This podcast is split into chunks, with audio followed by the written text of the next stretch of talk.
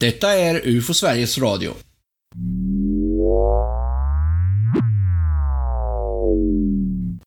Vad är egentligen verkligheten och vad är dess motsats? Inom ufologin är ordet verklighet väldigt populärt och frekvent använt. Kanske för att det är där vi vill och anser oss vara, alltså i verkligheten. Det är också där dessa jäckande ufo-fenomen visar sig, så varför inte titta närmare på några exempel där dessa fenomen satt spår i just verkligheten? Och hjärtligt välkomna till UFO Sveriges Radio.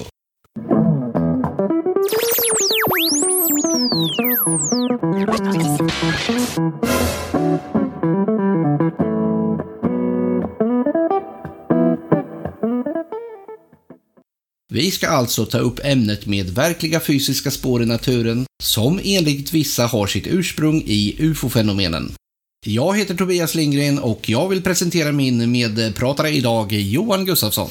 Tackar, tackar. Hur vill du introducera ämnet till lyssnarna, Johan? Du får vara extra tydlig då, så att jag även hänger med.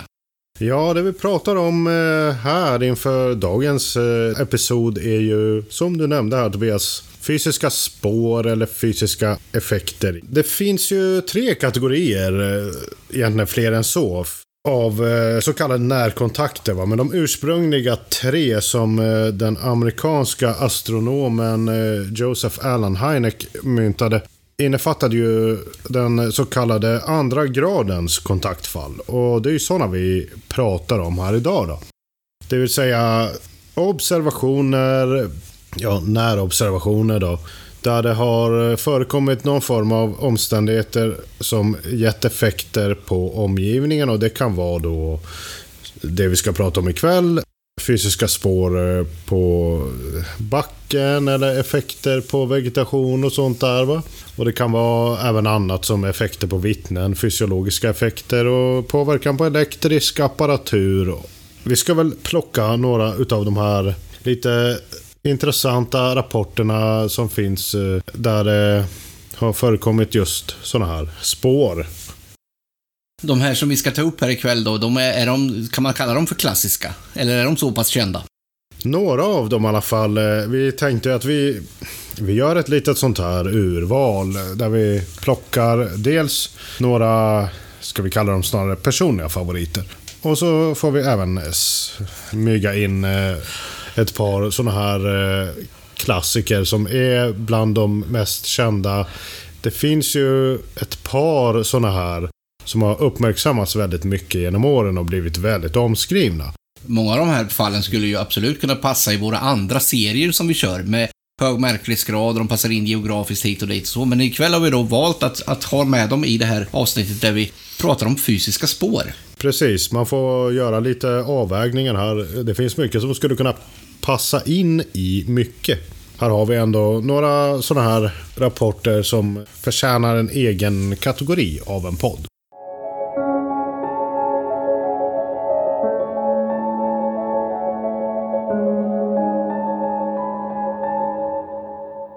Men nu då tar vi och förflyttar oss till året 1965 och till södra Frankrike. Och då är det kanske någon som vet att vi redan befinner oss i orten Valensole. Var ligger då Valensole? Jo, det ligger cirka 80 kilometer fågelvägen från orten Marseille och även Medelhavet. Det är väldigt nära Medelhavet, mitt emellan Spanien och Italien. Där befinner vi oss. Väldigt långt eh, söderut. I, ja, det är så långt söderut man kan komma i, i Frankrike då. Den här händelsen handlar om en lantbrukare som heter Maurice Mass. Den här dagen, som är den 1 juli 1965, vaknar han som de flesta dagarna klockan fem. Solen går också upp klockan fem den här dagen. Han eh, går snabbt ut och färdas då till sin lavendelodling där han ska förta dagens arbete. Det tar ungefär en halvtimme och han ställer sig vid en liten, eh, en liten skräphög och står och väntar lite då för att samla lite kraft för att ta, ta sig i, i kragen och börja sitt, sitt dagliga jobb då. Det, det är inget speciellt alls. Nej, nej, inget som helst, utan han bara väntar på att få lite kraft där och, och dra igång med arbetet. Ja, vilken morgon som helst för den gamla gode Maurice Mass här. Ja. ja, och man ska veta att han är 41 år vid händelsen. Han är i sin, sina bästa år kan man säga. Han står där vid den här lilla skräphögen och funderar. För det har, tidigare i veckan där har det varit eh, folk som har varit ute på åkrarna och förstört, sabbat och de har rivit upp plantor. De har stulit sådana här skott till de här lavendelplantorna. För det är lavendel de odlar. Den här orten och den här trakten är känd för sina lavendelodlingar. Ser man lavendelodlingar som ser ut som jättefina bakgrundsbilder till sina datorer? Ja, mer som en stor... Alltså, när jag ser en äh, sån här eh, lavendelodling, eller blomma, det är som en liten buske nästan. Ja, det är som jordgubbsodling, ja. fast det är lila, lila, jättefina lila, ja. blommor på de här. Och det är sådana de odlar då. Han har då funderat på de här som har förstört de här under veckorna då. Helt plötsligt så kommer det utan förvarning ett konstigt vinande ljud. Och han vaknar till av det här ljudet och han förstår inte direkt var det kommer ifrån. Så han tar några steg bort från skräphögen och han ser då till sin förvåning kanske 100 meter ut på åkern en eh, jättekonstig syn. Den första tanken är att det är en helikopter. Men han förstår ganska snabbt att det är mycket märkligare till sin form än vad en helikopter är. Det är någon sorts maskin som står där ute. Han, han, det är inget som han någonsin har sett förut. Han har tidigare fått påhälsning av militärens helikoptrar och om sanningen ska fram då så är han ganska trött på att de landar hela tiden på hans åkrar. Han blir irriterad. Han har i det här läget ingen tanke på då att det skulle vara något exotiskt eller Han ser ju bara att den här den ser konstig ut. Och han tror kanske att det är militären som håller på då. Men den här maskinen, den gör honom väldigt förbryllad. Den ser väldigt underlig ut. Den ser ut som en rugbyboll till formen. Den har en kupolliknande uppbyggnad på toppen. Storleken verkar vara som en bil. En Renault Dauphin, ganska liten bil, rund till formen och väldigt vanlig för tiden. Under den här metalliska kroppen så sticker det ut något sorts spindelliknande ben. Snabbt övergår de här tankarna då till att det är de här här ute som har förstört hans åkrar och stjäl de här plantorna då. Han inser direkt att det här är tillfället att ta dem på bar gärning.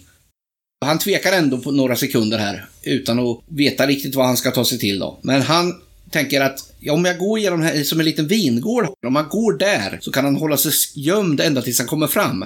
Så att han inte väcker uppmärksamhet. Men sen hinner han inte ta så många steg ut i själva åkern. Han ser då två små figurer vid sidan av den märkliga maskinen. De står hukade och håller på och mixtrar med lavendeln. Men de verkar helt klart för små för att vara militärer.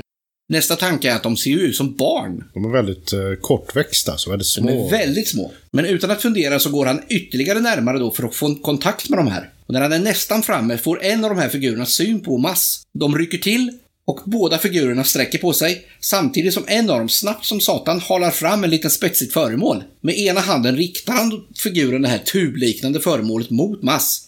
Och då tänker han kanske att det är något vapen. Men det händer ingenting. Nästa ögonblick så stelnar Maurice Mass till och han blir oförmögen att röra sig. Paralyserad? Paralyserad. Men han kan fortfarande se och han kan höra vad som händer, men han kan inte röra sig. I det här läget då förstår han att de varken är människor eller barn. Men att de har kroppar i storleksordningen åttaåringar. Så är huvudena mycket större. Onormalt mycket större. Kanske tre gånger större. Det är någonting som är lurt här. Det är i det här skedet som det verkligen börjar gå upp för Maz då. Alltså att eh, det här är någonting lite mer exotiskt. Nu är han ju så pass nära också så han ser allting. Han kan se att de har som någon sorts overall på kroppen i grågrön färg. Men huden som man kan se då, där han inte har kläder, den är ljus och slät.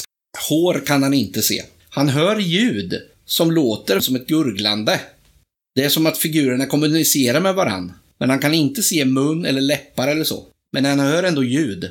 Övriga ansiktsdrag, han ser ögon. Eh, ja. Och, så, men det, det är inget uppenbart kommunikativt ver verbalt mellan och att de pratar med de, de, de gör ljud och gurglar, men han kan inte se att ljudet kommer från ansiktet Nej. om man säger. Nej. För de gör inga, de använder inte någon mun för att Nej. tala med varandra. Figurerna och Mass, de iakttar varandra då. I, i Mass fall är det ju närmast ofrivilligt, för han kan inte röra sig. Men han kan ju se hur de håller på och beter sig. Däremot blir han inte rädd. Det är ingen fara så. Han blir inte rädd. Kan man ju tycka är en eh, egendomlig reaktion när han står där. Men bara några sekunder senare så skuttar de här två besökarna med häpnadsväckande smidighet in i sin lilla farkost genom en skjutdörr som fort går igen. Det vinande ljudet kommer snabbt tillbaka. Det här stöden då, det här spindelbenen, de åker in. De dras in i själva kroppen jättefort och så tar den till väders då i en brant stigning i västlig riktning med en förvånansvärt snabb acceleration. Och redan efter 20-talet meter så säger han att den syns inte längre. Paralyseringen avtar inte. Då börjar han bli lite skraj. Alltså, han står fortfarande kvar i den här positionen och kan inte röra sig. Det är alltså någon sorts ofrivillig fångenskap där och han, han står fast. Han kan då se att det blir ett spår i marken där den här farkosten har stått. I mitten har det varit som ett, ett större stöd. Det är någon form av eh, bredare, eh, tjockare stativ i mitten. Ett stativ i mitten som har kommit ut centralt då från farkosten och ut har det då stuckit ut som spindelben som mer som stöttor. Och i det där håret som har blivit, där kan han nu se lervälling. Han ser också att vegetationen har påverkats runt om och han kan också se ett spår i den riktningen där de har dragit iväg. Senare undersökningar påvisat att till och med så långt som 400 meter bort från platsen så finns det spår i exakt rätt riktning där han påstår att den har flugit iväg. Efter 15 minuter då börjar den här paralyseringen släppa. Han kommer loss ifrån sin ofrivilliga fångenskap, känner ganska snart olust att arbeta, så han åker hemåt. För att han, det, här, det här kommer inte funka, tänker han. Men på vägen hem så fastnar han hos en kompis som är kaféägare. Han sätter sig där och ska ta det lugnt då. Han är ju uppjagad, det dröjer inte länge förrän han börjar snacka om det här grejen som han varit med om precis. Kaféägaren, han fattar ju att det har hänt någonting. Något över det vanliga har inträffat. Efter ett tag så kommer kaféägaren på då, eller kompisen, att eh, det kanske inte riktigt hela händelsen som Morris berättar då. För han, han, han, det låter som att han undanhåller vissa informationer då. Så, vissa händelser i den här berättelsen då. Han har sagt det han ska säga, säger han då. Kompisen uppmanar honom att höra av sig till den lokala polisen, åtminstone för att berätta lite om vad som har hänt då, ifall det är något, något farligt eller så. Han vill att han ska göra en, en rapport ja. utifall ungefär så kan man Ja. Men Maurice Mass har aldrig varit inblandad i något trubbel med rättvisan och han tycker inte om polisen och han vill verkligen inte bli föremål för en undersökning. Så det är, det är helt kört alltså. Det, någon polis kommer han inte samarbeta med. Så istället så vänder han på, på kuttingen då och försöker att skratta bort det hela och säga att nej, det var, det var bara skämta. Jag skämtar bara. Vi glömmer det här. Vi skiter i det där.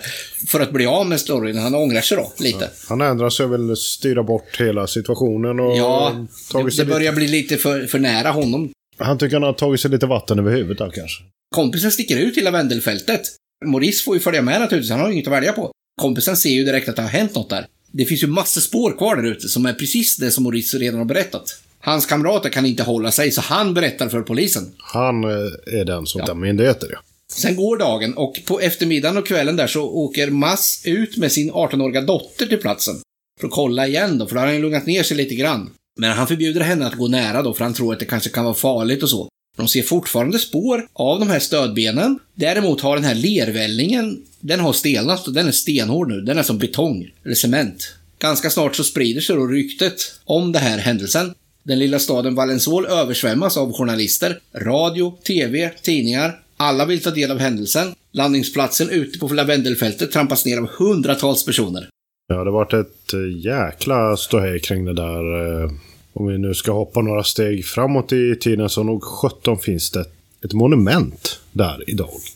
Tror jag. Inte kanske just på den ordinarie landningsplatsen men någonstans i området där har de höjt ett, ett monument till och med. Det... Kanske man borde åka och titta på. Ja, om man har vägarna förbi de där krokarna så absolut. Vi, vi får rekommendera lite fransk eh, turism när vi ändå har chansen. Det blir ganska snabbt för mycket för Mass. Den fjärde dagen så kollapsar han. Han hamnar i fysisk obalans alltså. Han blir tystlåten, han blir i det närmaste sjuklig. Hans sömnbehov ökar med det dubbla. Arbeta som vanligt är inte att tänka på.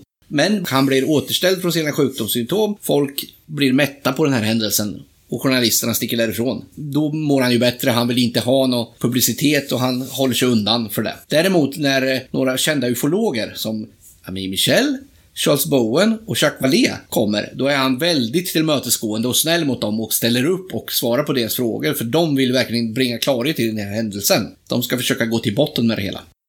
De börjar ju gräva på djupet i den här händelsen. Undersöker så mycket de kan. De hittar intressanta uppslag och detaljer. De hittar också mycket i den övergripande redogörelsen som det är inte hela sanningen. Han har mer att berätta, men det håller han inne med.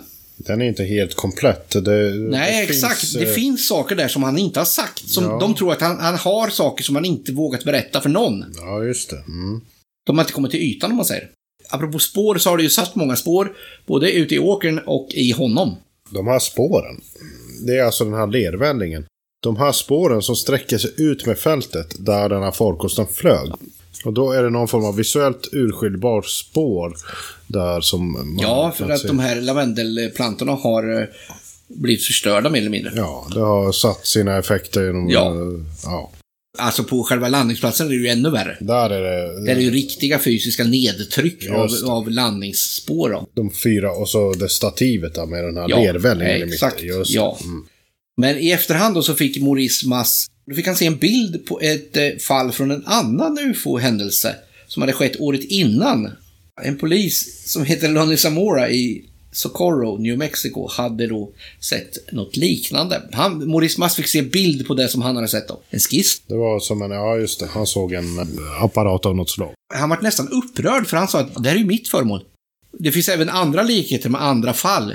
Till exempel det här med att de pekar på med olika med vapenliknande grejer. Inte minst Gösta Karlsson i eh, Ängelholm då 1946. Han, de pekar ju på honom med någon pinne eller någon sån här föremål då. Det finns väldigt eh, många sådana berättelser om man ser till antal. Ser man överlag till möten så visst är det ovanligt att de plockar upp vapen så. Det finns åtskilliga sådana exempel Ja. världen över. Att en sån här historia fortfarande lever beror ju naturligtvis på att inte vi har kunnat hitta någon förklaring. Någon heltäckande förklaring. Så är det. Det finns ju ingen eh, definitiv förklaring till vad det är som ska ha hänt här. Va? Utan det, den, den har förblivit eh, olöst genom årens gång. Maurice Mass ska ha suttit inne på detaljer. Det har man väl inte riktigt kommit till rätsida med vad det i sådana fall skulle vara. Han eh, har gett den här berättelsen och Och det... det är ju så att Maurice Mass, han gick ur tiden den 14 maj 2004. Och vi fick ju aldrig veta någonting om hans mera kontakter med dem som är intresserade för hans lavendel om man säger. Precis. Eller så kanske det är så att han verkligen fick det, men han valde att inte berätta det för oss andra. Och det lär vi väl aldrig få veta med säkerhet då om inte någon släkting till honom ska presentera någon dagbok eller någonting som vi inte har sett än. Det har ju också satt sina spår i ufologin och i ufo-historien. Valenzole är ju ett av de allra mest eh, omskrivna, omtalade så när det gäller just landningar och spår och sånt där. Det, det fanns ju mer effekter bakom det här som vi kanske inte hinner dra allting kring i podden här och nu. Växtligheten i, i området eh, ska ha påverkats och lite så runt landningsplatsen och så under årens gång. Det här är väl den väsentliga grundkontentan kring fallet med Morris Mass och Valenzole. Ja, det är ju säkert många av er poddlyssnare som har hört den här dramatiseringen som eh, UFO-podden i P3 körde. Den var ju lite annorlunda och de hade ju en viss tendens till att bygga ut sin händelse och dramatisera den mer än kanske vad nöden kräver. Nu har vi i alla fall dragit den i sin originalversion, om vi säger så.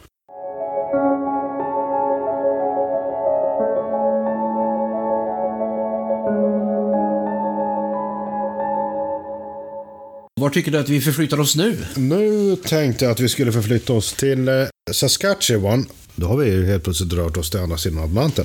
Det är egentligen en stor provins, en region i, i Kanada, men en ort i Kanada.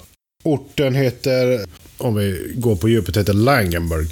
Det finns massor med sådana här rapporter egentligen om fysiska spår som har förekommit under varierande omständigheter med varierande substans, dokumentation och så vidare.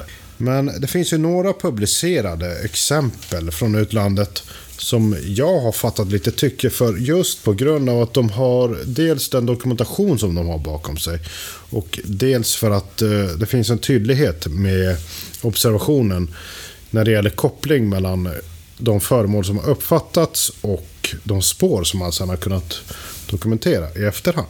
Och det är därför jag eh, lite förtjust i de här två rapporterna här som jag kommer att ta upp. Men vi ska börja med den här då från eh, Saskatchewan. Om vi skulle då ta och förklara var det här Langenburg ligger. Kanada är ju stort. Ja, det är väldigt Är vi stort. på västkusten eller är vi på östkusten eller var befinner vi oss ungefär? Nej, vi får gå lite söderut och snarare lite åt det sydostliga hållet. Vi är ganska nära USA alltså. Jag är inte så våldsamt långt därifrån i alla fall. Utan det är ner åt de sydostliga delarna.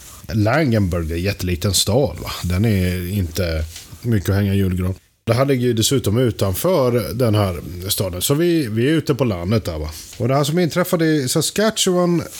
Det inträffade den 1 september 1974. Och det handlar om en man som heter Edwin Fur. Han eh, bodde ju där hemma hos sina föräldrar på en gård.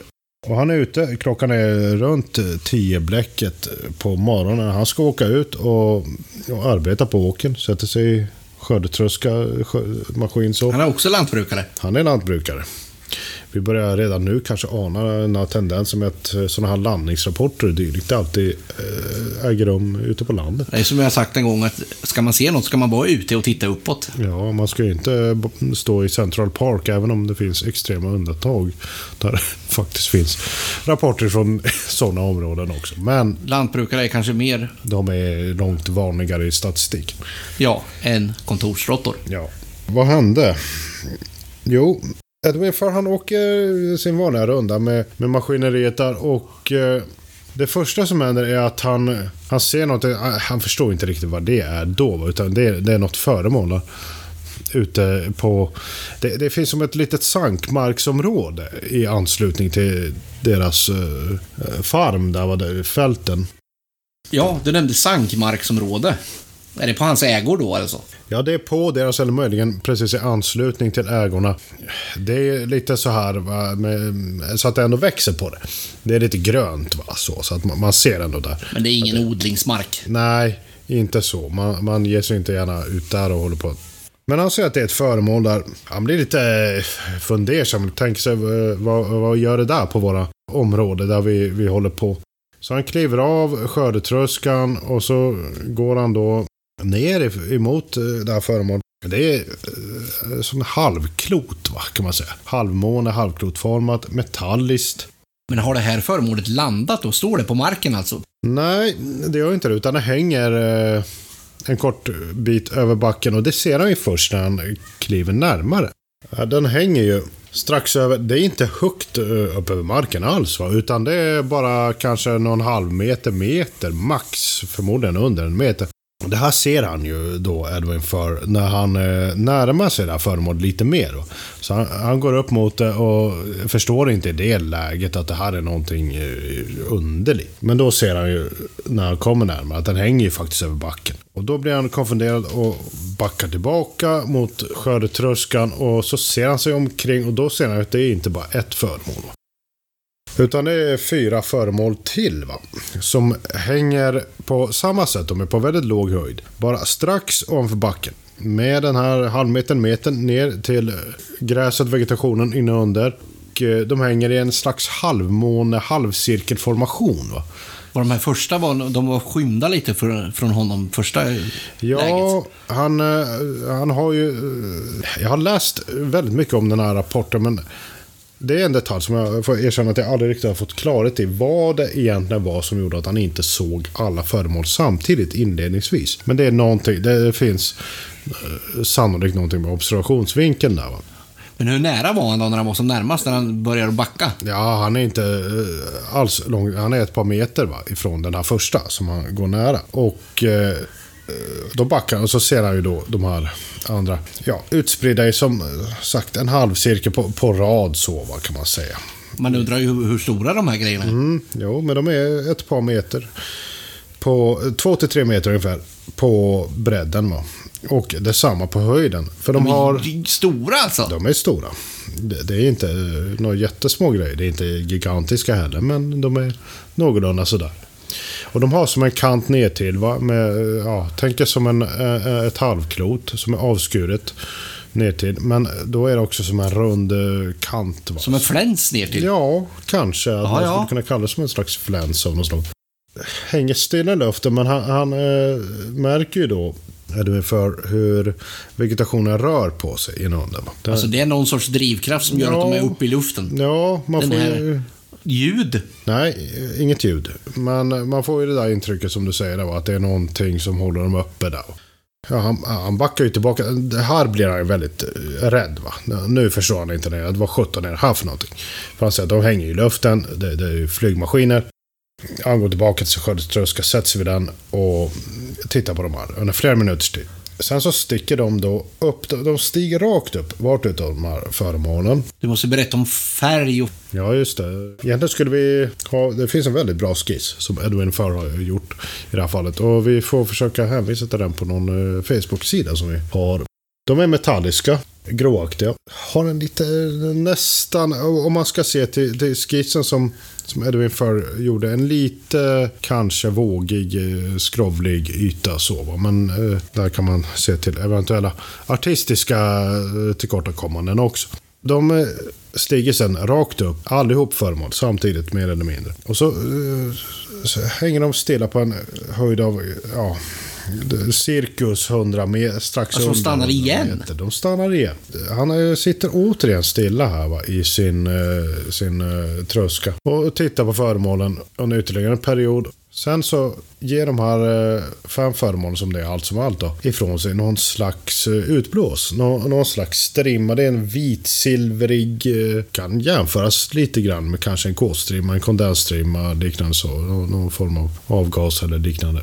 Som vi är vana att se från flygplan. Det kommer ifrån undersidan då, på vart och ett av de här föremålen. Trots att de står still? Då står de still. Men kort därefter, va, när de har släppt ut det här utblåset, då drar de ytterligare upp till världs och då försvinner de in i månen. Så att där upphör den visuella observationen och då är de borta. Men de har hela tiden samma inbördes formation? Ja, det framgår ingenting annat. Att de ligger på, i den här halvcirkelformationen. Men det är två föremål som ligger något närmare varandra än vad de andra gör. Va? Så det, det, är två, som att det är ett par och så är det de andra kommer i resterande halvcirkelformationer. Efter att de här eh, föremålen har försvunnit då, upp i månen, då vågar sig Edwin för ner till det här fältet då, där de har hängt och gå och titta. Och då ser han ju då hur det, det är som cirkulära formationer i gräset där det är nedtryckt i en cirkel. Och så står gräset upp i mitten. Och det är nedtryckt i, i en medsolsformation och det är det i samtliga ringar. Va? Och han ser även då två sådana här formationer som eh, ligger eh, precis intill varandra. På samma sätt som två av farkosterna, om vi ska kalla dem så, låg alldeles intill varandra. Resten utplacerade längs den här halvcirkeln. Så formationerna på marken korrelerar mycket exakt till formationen som de här objekten hade. Väldigt väl med det. Det kan man säga både om föremålsform, då, för att de är cirkulära de här formationerna, i formationen i sig, vad det avtrycker sig, och deras inbördes placering jämfört med de andra avtrycken är också överensstämmande med det som Edwin förr har beskrivit. Det här är ju ett väldigt intressant fall eh, för att det har, det har bearbetats i ett ganska så tidigt stadium. För det var så att eh, Edwin Furr, han var väl egentligen inte den som ville rapportera det här ursprungligen. Men han hade en eh, han hade en, en svåger som egentligen var den som berättade om det här först för utomstående. För det var ju så att efter det här så gick ju Edwin Förr upp tillbaka till familjens gård. Och han hade sin fru där och sina föräldrar. Och de var i färd med att de skulle åka till kyrkan här strax. Han ville ju inte följa med dit, eller skulle inte följa med eh, dit av någon orsak. Fadern var också där och skulle sätta sig ner och äta och det var där någonstans när de satte sig ner och åt inför det här. Som familjen då märker på eh, Edwin för att det är något som inte stämmer med honom. Han äter ingenting.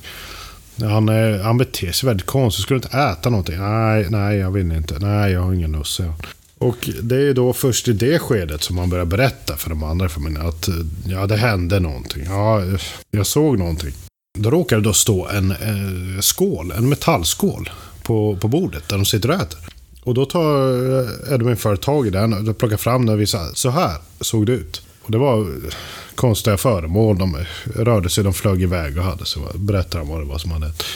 Och så småningom så går ju också familjemedlemmar ut i fältet och ser ju att det finns ju spår, tydliga spår utav det här. Som visar att det, det är någonting i stil med det han har berättat. Och så småningom så är det ju då sen svågen som eh, kontaktar den lokala polisen och frågar då inledningsvis, har, har ni haft några rapporter om, om konstigheter så, som har hänt? Nej, nej, det har vi inte haft. Nej, okej, okay, så jag poliserna förstår ju att det är någonting som har hänt som han inte säger, för han vill inte berätta det här först. Men då, då berättar han sen, okej, okay, ja men min, min svåger han har eh, upplevt någonting si och så ute vid eh, gården utanför Langenburg. Och då, de här poliserna, de blir ganska intresserade, de åker ut dit dagen därpå. För att de vill ju se själva vad det är. Det finns ju spår där liksom, så de vill titta på det. De åker dit, det, det är dagsljus och, och gör de här eh, ja, kontrollerna som man kanske kan förvänta sig att eh, polisman gör eh, skedet. Kollar liksom, ja, de, de är vana att göra brottsplatsundersökningar och sånt. Va? Så att de, de gör väl det som de oftast gör på, på en plats när de kommer. Men det här måste ju ändå vara någonting utanför ditt vanliga jobb, inte... det är ju inget brott som har skett. Nej, precis. Men, men eh, jag pratar rent, rent generellt här. De... Jag tänker mig att de måste ha intresserat sig för det här lite mer av, inte av polisiär art, utan Nej. lite mer av intresse precis. av privat karaktär. Precis, av personligt intresse mer snarare kanske. Men eh, eh, polismannen heter Ron Morier. Eh, han jobbar ju för den här Royal Canadian Mountain Police. Men eh, han gör de här sakerna va, som, som jag är ute efter. Va? Eh, att han kollar efter spår som leder fram till och ut ur de här eh, avtrycken i, i backen. Va? Och kolla om det kan finnas någon orsak till dem eller någonting sånt. Och så pratar han med alla de inblandade han pratar med Edwin Furr, han pratar med hans bekanta, vänner, släktingar och sånt. För att bilda sig en uppfattning utav ja, honom som vittne. Så småningom så kommer ju också då Ted Phillips som är eh, Center for UFO Studies eh, representant som oftast har eh, ägnat sig åt sådana här saker. Han har lagt ner väldigt mycket tid åt att studera och försöka dokumentera just rapporter om, om fysiska spår i omgivningen. Och han intervjuar ju också då de inblandade och han är ju den som sen intervjuar polisen, Ron Morier. För det är via hans intervjuer med polismannen som det här som framkommer vad han har gjort på platsen och så vidare. Jag tycker att det här är ett väldigt intressant fall. En nackdel som finns är naturligtvis att det är ett ensamt vittne. Det ska ju nämnas då va, att alla som den här polismannen pratade med, de gick ju i god för Edwin för. Det finns utskrivna intervjuer med mamman där, hon intygar att han var ju fullkomligt likblek när han kom tillbaka in. Det var ju uppenbart att någonting hade hänt honom. Och även polismannen själv säger ju att när han träffade Edwin förra dagen efter så var han ju fortfarande skakig och nervös. Och jag kan ju eh, citera mm, polismannen här för att eh, ge någon, någon eh, engelskspråkig. Men det är alltså inget snack om, om att han skulle ha hittat på det här själv? Nej, det verkar absolut inte vara det. Va? Eh, inte om man ser till det, det, ursprungliga i det här fallet. Va? Sen eh, finns det mer bakom den här berättelsen än vad vi har tid och möjlighet att ta upp här och nu. Det, det har vuxit lite med olika omständigheter senare år efter det. Vi kan avsluta det här fallet med att eh, uppmana folk att eh, själva gå in och kika på de bilder som finns av de här spåren. För att det finns väldigt tydliga bilder utav dem. Jag tror att de ska gå att hitta på nätet. Eh, jag brukar titta på dem i, i böcker i min bokhylla.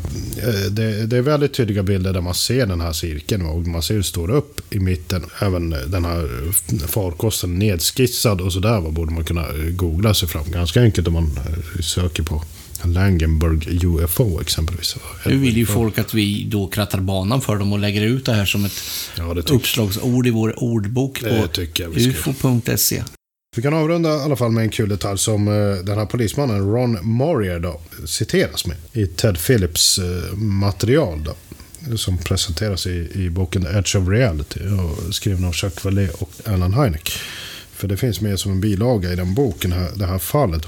Han citeras i intervjun där han tillfrågas då efter sina kontroller på platsen och undersökningen. Hittar du någonting som kunde tyda på att det var en bluff eller vad som skulle orsaka det?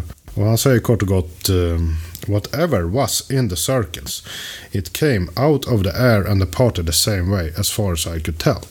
Det är hans slutsats efter att ha kikat runt då i, i cirklarna där. Han behöver naturligtvis inte vara felfri i sin slutsats, men det, det är lite där det här, den här händelsen står efter den ursprungliga redogörelsen och den ursprungliga undersökningen.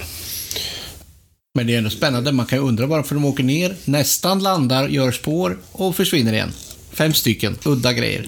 Som jo. inte gör något annat väsen av sig, som Nej. inte gör något annat spår. absolut ingenting. Va, va, va, varför hamnar de där?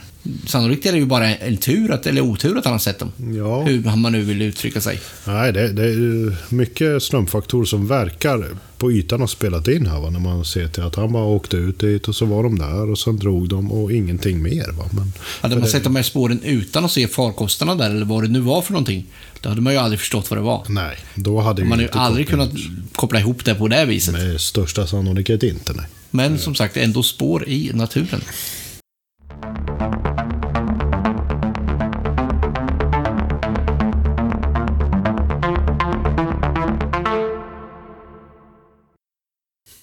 Vi måste väl ändå också dra vad jag skulle tro kanske är det allra mest kändaste sånt här landningsfall med spår i backen och inte minst det mest omskrivna, omdiskuterade som förekommit genom åren.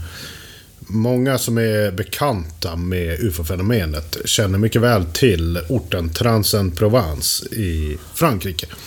Vi ska tillbaka till Frankrike plötsligt. Vi ska tillbaka till Frankrike. Det är nästan så att det är gångavstånd. Jag skulle kanske kunna säga att det är en sex mil från där vi var förut. Nu ska vi lite söderut. Jag, jag, jag, jag skulle dra mig från att gå sex mil, men visst, Ja, Det är ju nära det är nära. Från det förra fallet. Nu är vi närmare, lite närmare Medelhavet än vad vi var förut. Det är inte långt ifrån de här orterna Cannes och Marseille. Södra Frankrike. Det här hände då den 8 januari 1981. Man kan ju ställa sig frågan varför är det här fallet väldigt känt? Du sa att det var ett landningsfall. Det är fråga om det verkligen var en landning. Ja. Den här eh, huvudpersonen i det här fallet säger sig ju inte riktigt ha sett om det verkligen landade eller inte. Nej, själva markkontakten kan man kanske diskutera.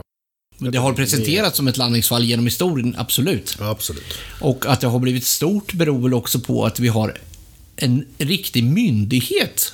En auktoriserad myndighet som har varit involverad och gjort undersökningar. Ja, alltså Frankrike har ju stått ut lite grann genom åren för att de har ju faktiskt varit det land som kanske har varit allra ödmjukast av alla gentemot de här frågorna. För de har ju haft en eh, liten instans inom deras motsvarighet till eh, Rymdstyrelsen, eh, deras rymdmyndighet. Och där har det funnits en liten grupp som har gått under lite olika namn. Japan, eh, Sepra, Japan heter den idag. Och eh, de hade ett gott samarbete med, med lokala polisen. En Gendarmeriet, ja. Gendarmeriet kanske de kallades. De var Eh. väl någon slags militärpoliser snarare. Ja. Lite mer åt det Det är hållet. svårt att... Det är lite svårt att jämföra med Sverige kanske. Vad hände då den 8 januari 1981? Du får uh, friska upp minnet på oss. Vad var det som hände med Renato Nicolai? Vittnet Renato Nicolai. Han står på sin lilla gård. Den är uppbyggd av terrasser. Och terrasser är ju sådana nivåskillnader i, i gården då. Så att han står på en ganska hög höjd där han håller på med någon sorts litet skjul. Det är någon liten byggnad i alla fall med någon sorts maskin i. Han är hemma, han är, han är oförmögen att arbeta. Han är väl vad vi skulle kalla för sjukpensionerad. Ja, det skulle man kunna säga. Men det är därför han inte är ute och arbetar då, utan han håller på lite lugnt på gården där. Vi får väl understryka här att vi befinner oss återigen ute på vischan. Ja, det är ju ute på landet alltså. Han är inte lantbrukare om man säger så. Han hör ett visslande ljud som så många händelser börjar med. Ett svagt visslande ljud som kommer långt ifrån och då tittar han bort upp mot det som en trädgräns kan man säga. Det är väl typ 50 meter bort. Träden är ju högre naturligtvis, men nedåt mot terrassernas sluttning. Och då får han då se ett föremål som är eh, som en puck, fast den är rundad på de platta sidorna.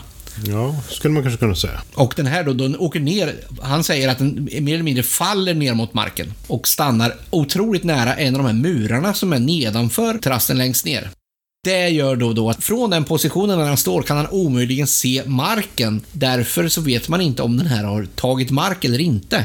Just det, det är lite blockad vid där. Ja, Men han förflyttar sig ju en liten bit så att han ser den här farkosten sen. Men han kan fortfarande inte se om den står på marken eller inte. Och det är kort tid så att eh, Den går bara ner och så stiger den upp. Ja, den är väldigt kort. I den nedersta positionen så befinner den sig väldigt kort tid. Storleken på den här farkosten var ungefär 2,5 meter i diameter och höjden skulle ha varit ungefär en meter till en och en halv meter. Men vi kan ju understryka det för uh, lyssnarna här också att den här muren som vi pratar om det är ju inte kinesiska muren direkt utan det är en väldigt så här låg...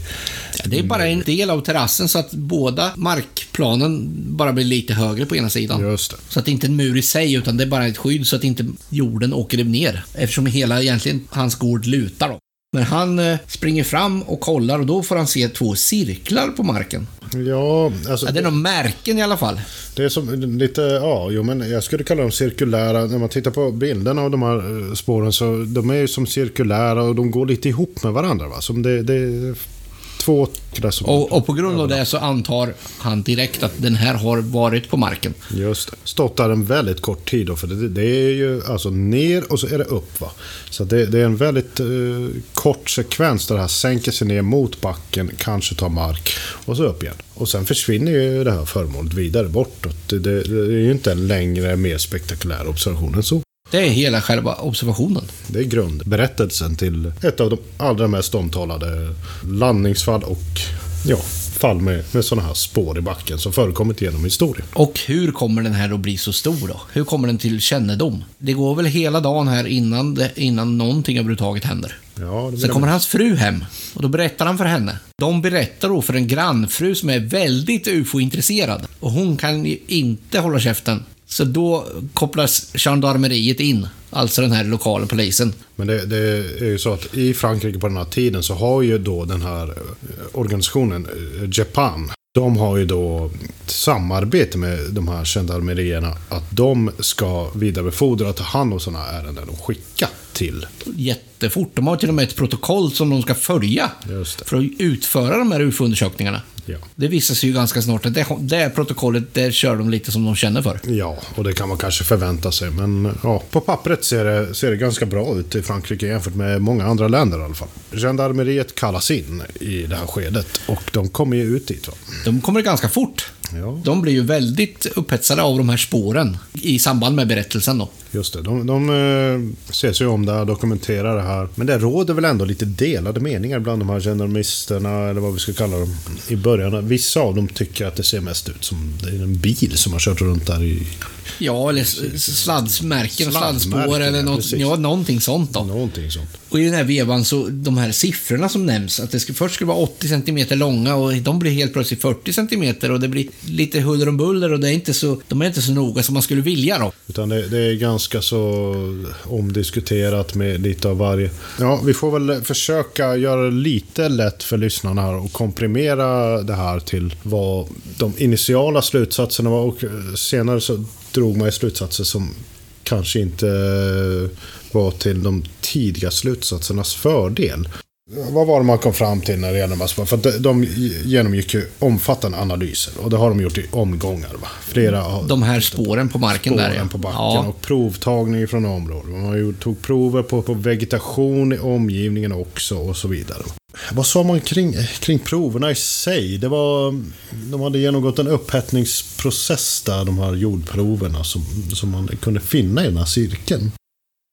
Eh, det har ju talats mycket om att dels en effekt som man har pratat om när det gäller transferprevans är att det skulle vara väldigt tung vikt. Det är åtskilliga hundratals kilo som ska ha placerats på mig, eller vikttryck så. så att, och det, det, har man ju eh, lyft som en eh, omständighet då, som tyder på att det var verkligen något som gick ner här. Man har också talat om att det skulle varit eh, en viss hetta hetta. Eh, eh, Jordprov sånt ska ha utsatts för hetta. Det här har man ju diskuterat lite grann. Det har varit tal om någon sån här cementmaskin också som man ska ha haft där i området som alternativ möjlig förklaring till det hela. Den har väl inte riktigt gått att styrka. Det har varit tal om bilar och dylika möjligheter. Det stora i det här fallet har väl ändå varit den här strålningseffekten som har varit väldigt på tapeten. Ja, det är ju den som väl egentligen har varit eh, den stora diskussionsfrågan när det gäller Transenprovence. Avgav det här föremålet eh, strålningseffekter på vegetation och dylikt i omgivningen. Och Eh, man drog ju vissa slutsatser. Man tog ju prover på, på vegetationen runt om Renato Nikolajs gård. Och där i anslutning till Namuren och så. Där den här saken ska ha gått ner. Man hittade vissa effekter va, mm, på, på löv och växträtt och omgivningen. Som eh, man då menar att de här var, för, de var föråldrade. De var påverkade, de var ruttna. Liksom så. Man eh, spekulerade då i att det skulle varit, eh, och man drog slutsatser också, mer bestämda slutsatser har presenterats genom åren efter analyser om att det, det här ska ha kunnat bero på elektromagnetisk strålning. Va? Och det ska då ha förekommit eh, genom eh, de våglängder inom mm, elektromagnetiska strålningen som hör till mikrovågor. Va?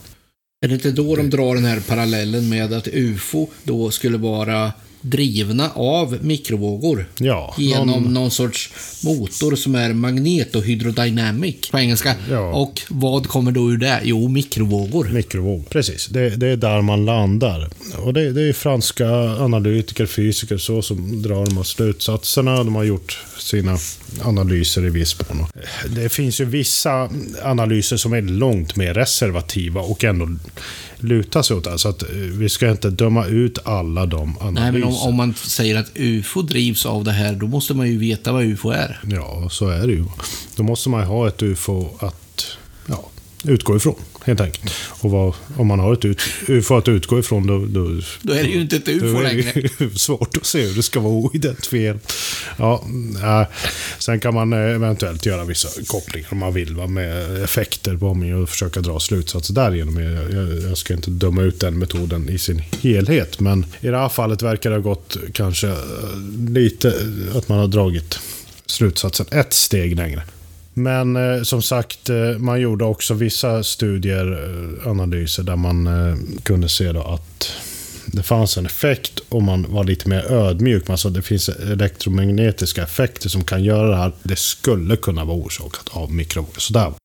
Man har ju faktiskt eh, ifrågasatt de här studierna också. Pekat på faktorer som inte gick riktigt helt rätt till.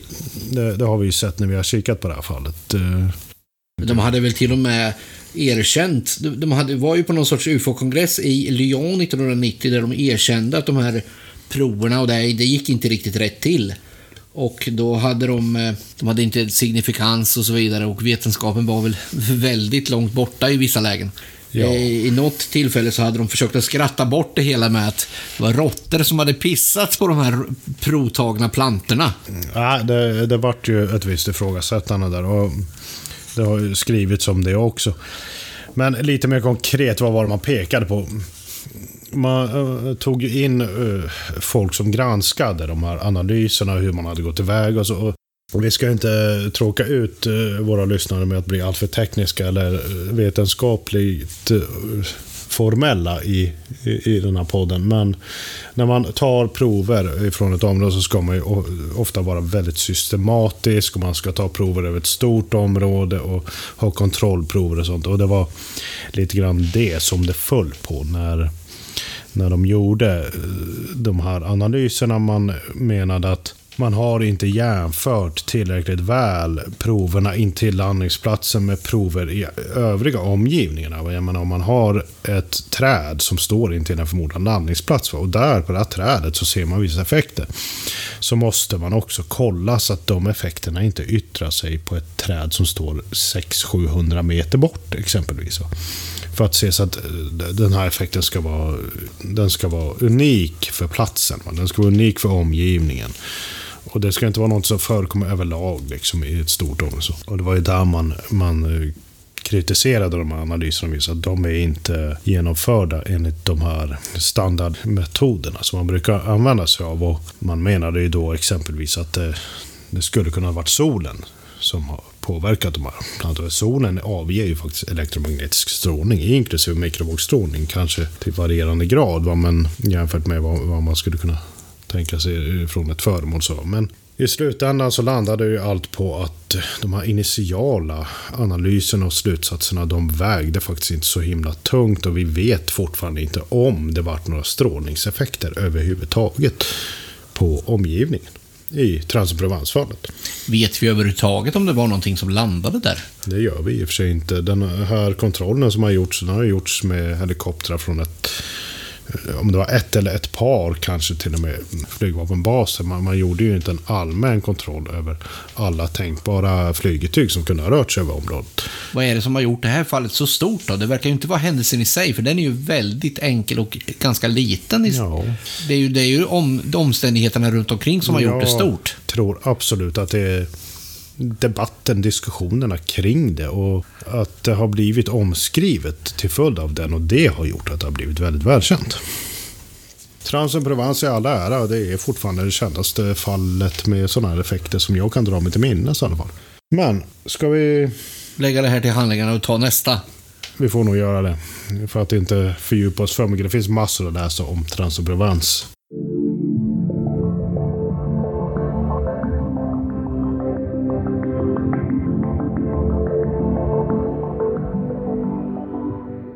Då tar vi och flyttar oss över Atlanten igen. Ja, vi får göra det. Och var är vi nu då? Nu ska vi tillbaka till eh, Nordamerika, men lite söderut, längre söderut den här gången. Nu ska vi till USA. Delstaten heter Missouri. Nej! Missouri. Så var det. Missouri. Sa jag rätt nu? Missouri. Ja, ja. ja. Missouri. Missouri. ja. Vi får vara lite försvenskade när vi uttalar amerikanska begrepp. Det får vi tillåta oss.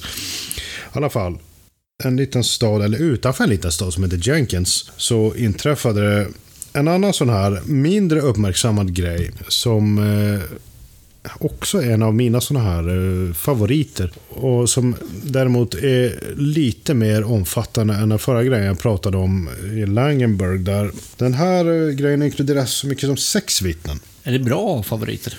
Jag vet inte.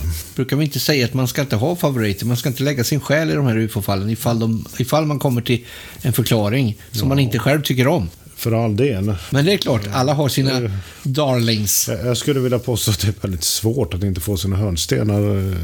Ja, men det, det är absolut roligt. Jag har också mina favoriter. Mm, mm. Sen eh, ja, får man väl se hur man ställer sig till de förklaringar som presenteras. De ska ju vara väl underbyggda de också. Men, men det är ju tråkigt om någon annan ufolog kommer att ta död på ens favoriter. Ja, det beror på. Är... En förklaring är en förklaring. Håller ja, den så håller den. Man får, man får hoppas att man kan alltid hålla sig objektiv. Jag tycker vi går vidare till fallet här. Och vad var det som hände då? Det var i eh, gården eller omgivningen, direkt omgivning heter faktiskt Kato. C-A-T-O. Och eh, det är en familj. Den ena halvan av familjen, för det, de är ingifta med varandra delvis. Eh, den ena halvan heter Sturgeon och den andra Norman i efternamn. Det hela började klockan sju på morgonen och de är också jordbrukare eh, i vanlig ordning då, när vi pratar om sådana här ärenden de får se någonting. Det är tidigt på morgonen, sju på morgonen. De får se hur det, det är någonting ute i deras eh, fält där.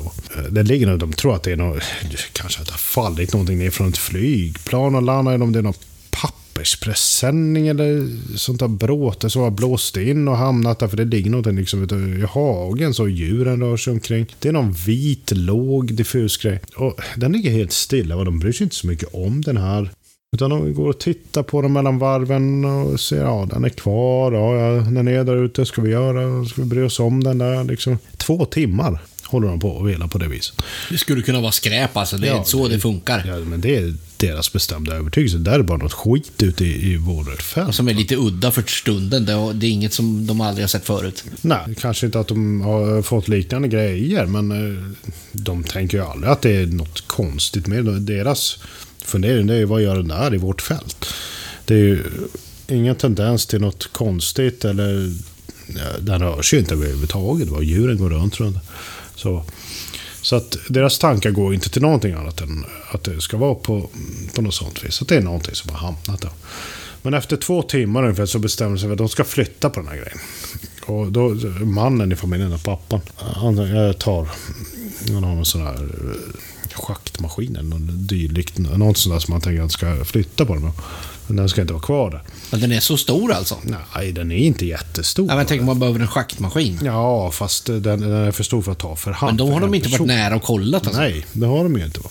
Utan han, han, går ut mot uh, ladan. Va? Han ska uh, hämta någon så kan flytta på den här. Och de andra de står uh, uppe vid gården där. Va? Och då händer ju det som väcker deras uppmärksamhet. För att då stiger den här grejen helt plötsligt till väders. Och det är en oval eh, silverliknande, eh, silveraktig grej kan man säga. Lite metallisk. Och då blir de ju väldigt förbryllade naturligtvis.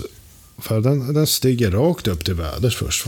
Och sen svänger den då något västerut och sen eh, åt höger då, i deras synfält, så norrut. Va? Och sen vänster igen. Va? Så den hoppar lite, så svänger flera omgångar. Till slut drar då nordväst och då är den en bit upp. Och den rör sig någorlunda hastighet så. Va? De eh, står ju då samlade, förstår inte riktigt vad det här är alls. Va? så ser de då i det här skedet hur den rör sig mot någonting som yttrar sig bakom ett moln och då ser de ett föremål till. va. Och det är som ett cigarrformat föremål, eh, skrivet som ett flygplan. Men utan vingar och fenor eller någonting sånt. Så det är en ganska avlång cigarrformad eh, historia på det där viset. Det här föremålet rör sig emot det här andra cigarrformen. Och till slut så är de så pass nära varandra att de kan inte skilja dem ifrån varandra. De vet inte om de blir till ett föremål eller om de är intill varandra eller så. Så försvinner de alltså. Men då är det högt upp på himlen alltså? Ja, då är de betydligt högre upp. De är inte säkra på exakt höjd så. Det det vanliga med vittnesberättelser och höjd och storleksuppskattningar och sånt. De ser ju sen då när de här grejerna har försvunnit så går de ner mot området. Där ser de då en missfärgning då på precis den del av fältet där det här föremålet har legat. Den är lite lila mörkaktig. Va? Den är som rund oval lite. Har som tre stycken, ja, ska vi kalla dem för subavtryck? Alltså extra nedtryckningar? Ja, ja, precis. Det är som tre stycken avtryck i det stora avtrycket. Då. Eller märken. Avtryck. Ja, ja men försjunkningar ner ja. i... Alltså jag tänker mig att vegetation... Alltså gräset har lite högre tryck där. Nej, inte, egentligen inte. Utan det är mer att det är missfärgat. Va? Blivit brunare. För det, det, här är fortfarande innan frostperioden. Va? Så det är fortfarande grönt runt om. Och då är det lite lila brunaktigt så va? I, en, i en cirkel. Så. Och så är det tre stycken märken där det dels är de är som runda fläckliknande grejer inuti den här i triangelformation. Och eh, så är det då så att de har tappat eh, vegetationen i ytterkant på de här tre stycken. Så att de är som kala precis i ytterkant, när jorden är exponerad. Där kan man ju se lite då nedtryckt däremot, eh, från de här medurs då, nedtryckt vegetation. Den här eh, cirkeln, de, de vet ju inte riktigt eh, hur de ska eh, tolka och behandla en sån här grej. Va? Det är en vanlig amerikansk familj. De är sex stycken personer som har stått och tittat på det här. Och nu hittar den här eh, cirkeln. Då när de såg den här flyga iväg, var de allihop då? Eller var det, var det en av dem som såg den flyga iväg? Nej, de ser det allihop. Och de ser he hela händelseförloppet allihop. För då står fem av de här personerna i Sturgill, um, Sturgill Norman-familjen uppe vid den här, eh, ja, vid, vid bostaden, vid huset. De har, gått, har gått ner lite grann för att titta bättre. De har en jävla tur alltså, exakt när det händer. Nej, de, de ropar väl på varandra också. Lite så kan man tänka sig. Det är inte säkert att de stod och sten. Men det är ingen, det är ingen hastig händelse. Det är inte en raketfart. Nej, Uff. nej, nej. Det är det inte. Utan den stiger till väders. Det går inte jättefort. Utan den stiger till väders och rör sig lite hip, lite happ. Först västerut och så norrut. Och de tänker inte att den blåser med vinden? Ja, nej, de uppfattar det inte så. Men det, det är ju en av de teorier som sen har uh, föreslagits i den här. Vi får komma till det. Det slutar i alla fall med att uh, dottern dottern i familjen, hon är den som ringer till, till sheriffen. Då. Vi har sett det flera gånger nu, att man väldigt ofta ringer till polisen. Det, ja, varför börjar man hos polisen? Ja, man gjorde det väldigt mycket på den här tiden. Idag är det väldigt ovanligt att folk kontaktar polisen, för idag är det mycket lättare att hitta kontaktvägar till UFO-organisationer. Men på den här tiden var det väldigt vanligt att Men man, man har ändå varit polisen. väldigt benägen att berätta det för någon. Ja, och ja, har man ingen annan att berätta det för, det går ju tanken till myndigheter. Det är ju de man vänder sig till med, med saker och ting. Men vad är tanken? Vad är det man vill åstadkomma med kontakten. Ja, man vill väl rapportera det till en myndighet som kan dokumentera informationen kanske, eller åtminstone Ja, vad, vad, vad, är, vad är det som har varit det drivande i själva berättandet för en myndighet? Mm. Vad tror man att myndigheten ska göra? Är det för att man ska bli skyddad eller så vidare? Nej. Det kommer ju av lite från ämnet, men Det, det tror inte jag, utan jag tror att det handlar mer om att man... eh, inte vill behålla den för sig själv. Ja. Utan man vill att det ska bli en större grej. Fler ska få veta det. det, det ska, ja, precis. Man ska göra något formellt utav det och man har ingen annanstans att berätta om saker och ting som avvikande. Det, jag menar, man kan inte riktigt gärna ringa till sociala myndigheter eller någonting sånt. Utan det blir polisen som man ringer till. Eller flygvapen eller militära myndigheter. Det skulle ju i förlängning kunna visa sig att polisen runt om på jorden sitter inne med hur mycket grejer som helst. Inte otänkbart. Men det är förutsatt att de har gjort någonting med samtalen som Ja, fått. men man får ju förutsätta att de sköter protokollet. Åtminstone skriver ner att det här har hänt. Mm, De här har ringt. De här har hört av sig till oss. Blir inte förvånad. Men vi har... Du menar att de, att de, att de har gett fan i det? Ja. Folk har sett något konstigt där, därför gör vi inget åt det. Eventuellt. Tillbaka till historien. De här poliserna däremot, de beter sig inte på det viset. De blir väldigt intresserade. Den här polismannen, han heter Steve Bredden. Han beger sig ut till platsen och han eh, tar bilder, han tar prover och överlämnar sen de här proverna till eh, samma man som vi pratade om innan, Ted Phillips. För han är återigen på plats. Han bor nämligen lämpligt nog i Missouri och eh, är på plats inom en vecka och intervjuar de här vittnena. Eh, han intervjuade först om, i den ena familjen Sturgill och sen Morgan eh, någon eh, månad senare knappt.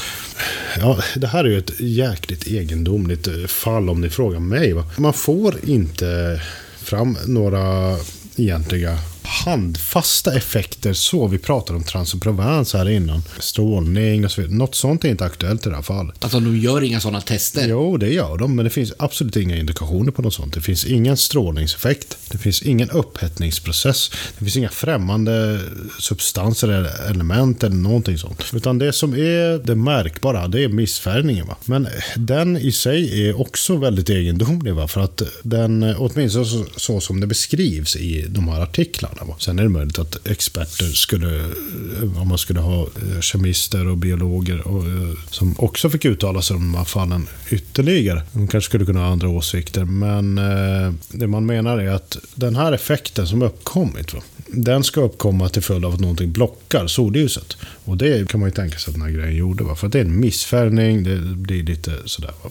Att den, den får den effekten av att någonting ja, stänger ut solljuset under en period. Två timmar om man gör med här. Kan man tänka sig då gett den här effekten. Men den ska återgå till det normala. Det ska bli grönt igen när, när, när området får återhämta sig. Och det gör det inte. Sen har man en annan effekt när frostsäsongen sen kommer. Då blir det som en ring runt den här första missfärgningsplatsen. Den eh, blir som grönare. Va? Den blir som, nästan som att den är befruktad. Va? Mer än så har man inte kunnat konstatera och man har inte fått några entydiga analysresultat, va? prover så, som har visat att det har varit det ena eller det andra. Som rapport så står den här eh, ut lite grann i mängden tycker jag. Det är sex stycken vittnen. Det är en väldigt långvarig observation. Det är dagsljus, det är nära avstånd och vi har ett solitt objekt som stiger till väders och där man tydligt kunnat se hur någonting uppkommit på den plats där föremålet legat eh, i backen i efterhand. Det här föremålet är oidentifierat. va? Det är en förklaringsmöjlighet som kom på tal och det är att det skulle vara en ballong. Närmare bestämt en väderballong va, som man tänkte sig att den hade kunnat sjunka. När man tänker sig en, för man gjorde ett, ett väderballonguppsläpp ifrån en, en station eh, en bit därifrån tidigare samma morgon. Och den skulle då sprungit läck och sjunkit i marken. Och sen skulle den blivit liggandes på backen och sen skulle lufttemperaturen då ha värmt upp det här föremålet och det skulle gett eh, ballongen lyftkraft igen. För att den hade blivit varmare än sin omgivning. Och då, då kan den stiga igen som ja, inte är ett olikt en heliumballong. Men eh, den teorin har man väl mer eller mindre kunnat avfärda.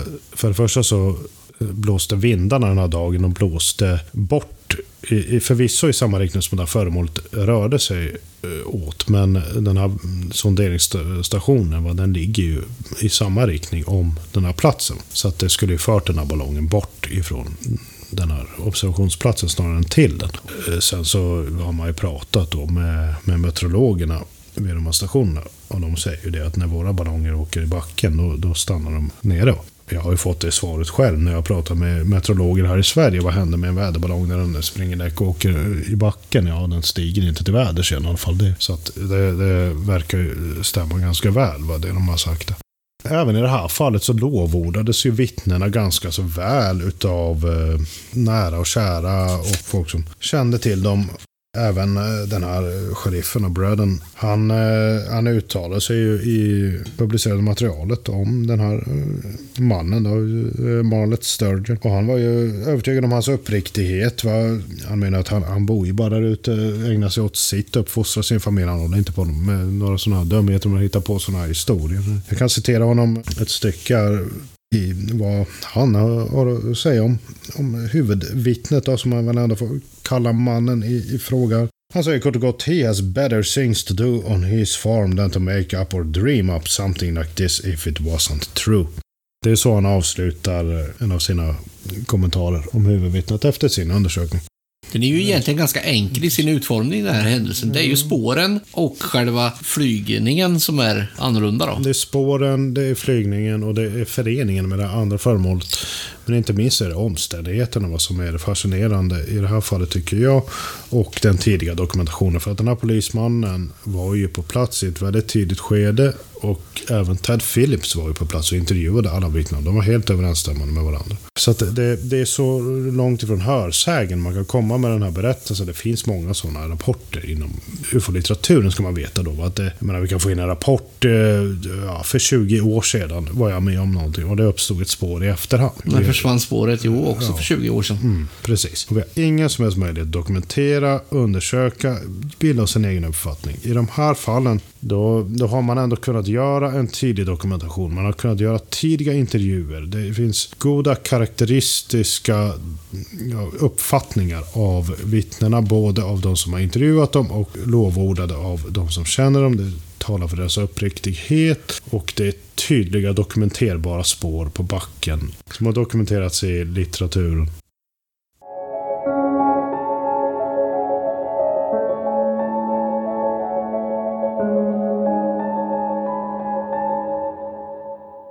Den gemensamma nämnaren för de här fallen är väl de fysiska spåren? Ja, det är det som eh, gör att de, här, de hamnar inom den eh, så kallade andra kategorin som jag pratade om i början på podden. Även om jag skulle säga att den första vi pratade om tillhör kategori nummer tre. Eller vilken kategori pratar vi om nu? Det är en kul, kul fråga faktiskt. Vart ska vi placera den? Ska vi placera den på två eller tre? Formellt skulle den nog hamna inom en, en trea. Det är väl bäst att vi avslutar eller innan vi spårar ur. Ja, nej, men vi kan bryta vid det här laget tycker jag. Vi som gjort detta avsnitt av UFO Sveriges Radio är Johan Gustafsson och Tobias Lindgren. UFO Sveriges Radio görs av Riksorganisationen UFO Sverige. Ni får gärna ställa frågor och komma med uppmuntrande kommentarer. Enklast gör ni detta via sociala medier. Men vi säger väl tack för idag. Det tycker jag. Tack så mycket. Hej. Hej.